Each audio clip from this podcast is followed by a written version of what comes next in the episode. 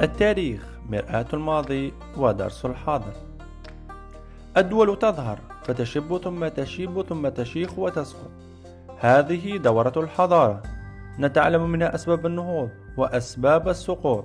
لنتخذ أسباب النهوض أساسا لحياتنا ونتفادى عوامل الضعف والركود.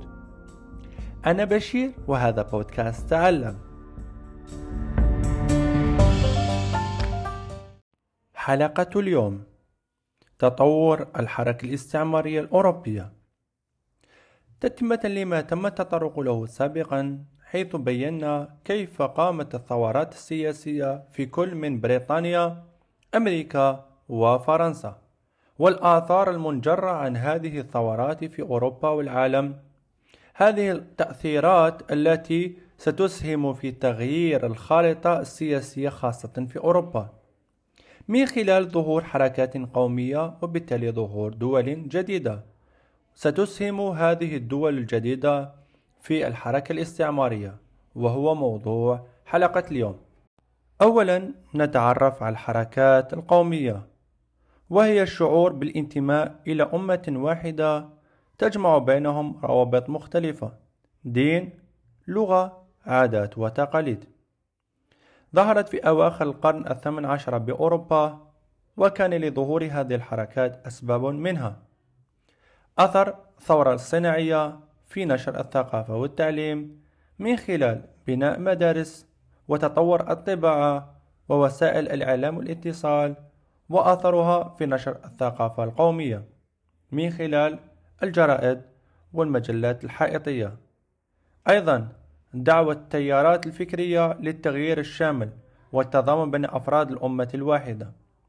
أيضا تأكيد الثورة الفرنسية على مبدأ وحدة الأمة وانتشار مبادئها القومية بنت الثورة الفرنسية. أيضا ظهور زعماء قوميين مثل بارون فون شتيل وهيجل بألمانيا وماتزيني وغاليبالدي بإيطاليا. كان لهذه الحركات القومية في أوروبا نتائج مهمة اعتبرت بداية فصل جديد من السياسة العالمية وتكمن أثرها في إعلان الوحدة الألمانية في قصر فرساي الثامن عشر جانفي 1781 بتتويج فيلهالم يعني جيوم أول إمبراطور ألمانيا الموحدة وكان أوتو بيسمارك رئيس وزراء بروسيا الذي وحد الولايات الألمانية بعد خوض ثلاثة حروب من الحرب الفرنسية البروسية. أيضا توحيد إيطاليا اكتمل بعد احتلال روما 20 سبتمبر 1870 من طرف إمارة البيدمونت التي قامت على عاتقها الوحدة الإيطالية ودمجها في مملكة إيطاليا في أكتوبر 1870 تطور الفكر السياسي والنظام الاقتصادي وتحول الشعور القومي إلى شعور عدائي أنتج حركة الاستعمارية واشتد التنافس الأوروبي حول تقسيم العالم. أيضا المساهمة في تفكيك الإمبراطوريات الكبرى كالإمبراطورية العثمانية والإمبراطورية النمساوية المجرية والقيصرية الروسية. أيضا ظهور مشكلة الأقليات في أوروبا والفكر التحرري في المستعمرات.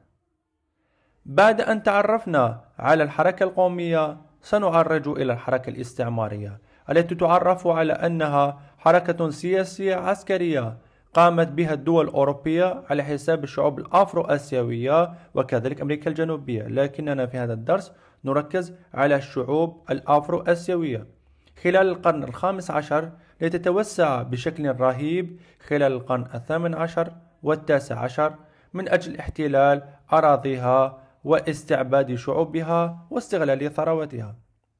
أما الأسباب فيمكن, فيمكن تلخيصها معذرة في البحث عن المواد الأولية والأسواق الخارجية السيطرة على الممرات المائية تصدير الفائض السكاني الأوروبي إلى دول المستعمرات وكذلك نشر رسالات الرجل الأبيض المزعومة من أجل سيطرة أوروبا فكريا ودينيا وحضاريا على شعوب إفريقيا وآسيا وأمريكا الجنوبية.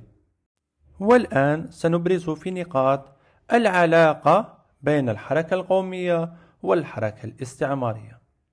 ويمكن تلخيصها في البحث عن أمجاد القومية ألمانيا وإيطاليا بعد استكمال وحدتها القومية وظهور زعماء سعوا لكسب أمجاد شخصية.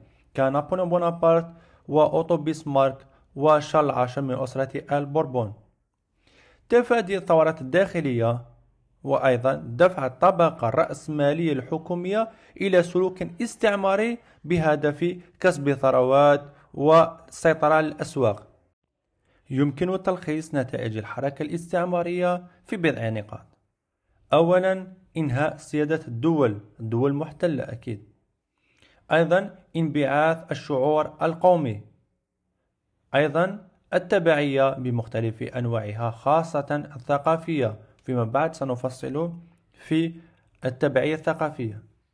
أيضا انعدام الاستقرار السياسي والاجتماعي من خلال زرع النعرات القابلية والمذهبية وغيرها.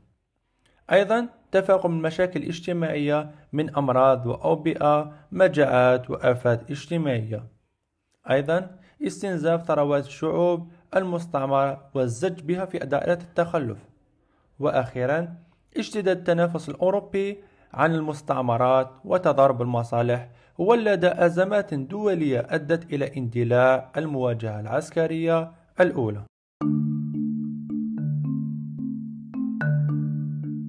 ختاما لما سبق فإن الحركات القومية كانت تحصيل حاصل بعد الثورات التي أقامتها كل من بريطانيا وأمريكا وفرنسا ضد الظلم. تأثرت بها شعوب أوروبا خاصة ألمانيا وإيطاليا التي بنت تاريخها على أمجاد أسلافها وأسست دولا جديدة لم تكن موجودة. وبدأت تنافس الدول التقليدية أي فرنسا وبريطانيا في اقتسام الكعكة الجغرافية التي سيتركها الرجل المريض دون حماية وهي الدولة العثمانية.